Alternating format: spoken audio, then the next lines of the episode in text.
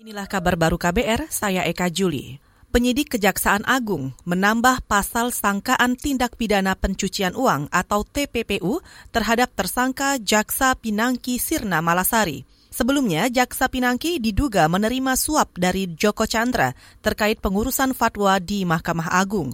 Juru bicara Kejaksaan Agung, Hari Setiono mengatakan, sangkaan pencucian uang dikembangkan setelah diduga ada aliran dana ke Pinangki sebesar 500 ribu US dollar atau lebih dari 7 miliar rupiah. Ya itu masih proses penyidikan, artinya uang itu setelah diterima oleh tersangka PSF dikemanakan, sehingga penyidik menambahkan pasal sangkaannya adalah dugaannya tindak pidana pencucian uang atau TPPU. Juru bicara Kejaksaan Agung Hari Setiono menambahkan, sejauh ini penyidik baru menyita mobil BMW tipe SUV X5.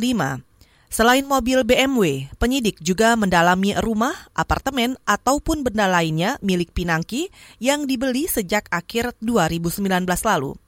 Pinangki sebelumnya ditetapkan sebagai tersangka atas dugaan menerima suap dari Joko Chandra terkait pengurusan fatwa di Mahkamah Agung. Untuk perkara ini, penyidik melimpahkan berkas tahap satu ke penuntut umum untuk diteliti.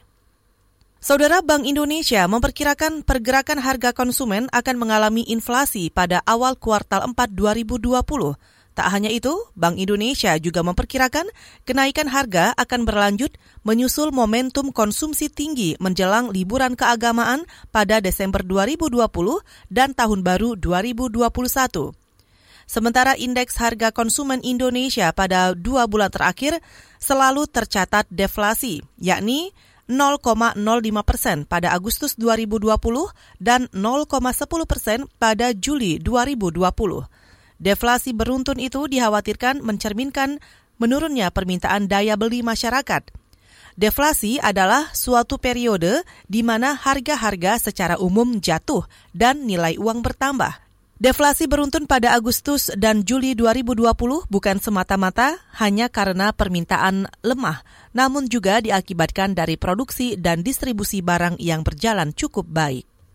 Kita ke berita olahraga. Real Madrid tidak akan membeli pemain baru pada bursa transfer kali ini dan memilih fokus menjual para bintang guna mengatasi krisis keuangan akibat pandemi virus corona.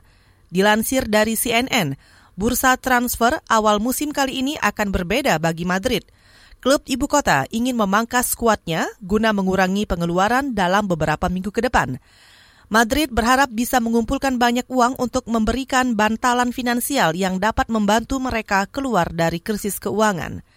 Gareth Bale dan James Rodriguez merupakan dua bintang yang diharapkan bisa mendatangkan uang bagi tim asuhan Zinedine Zidane itu.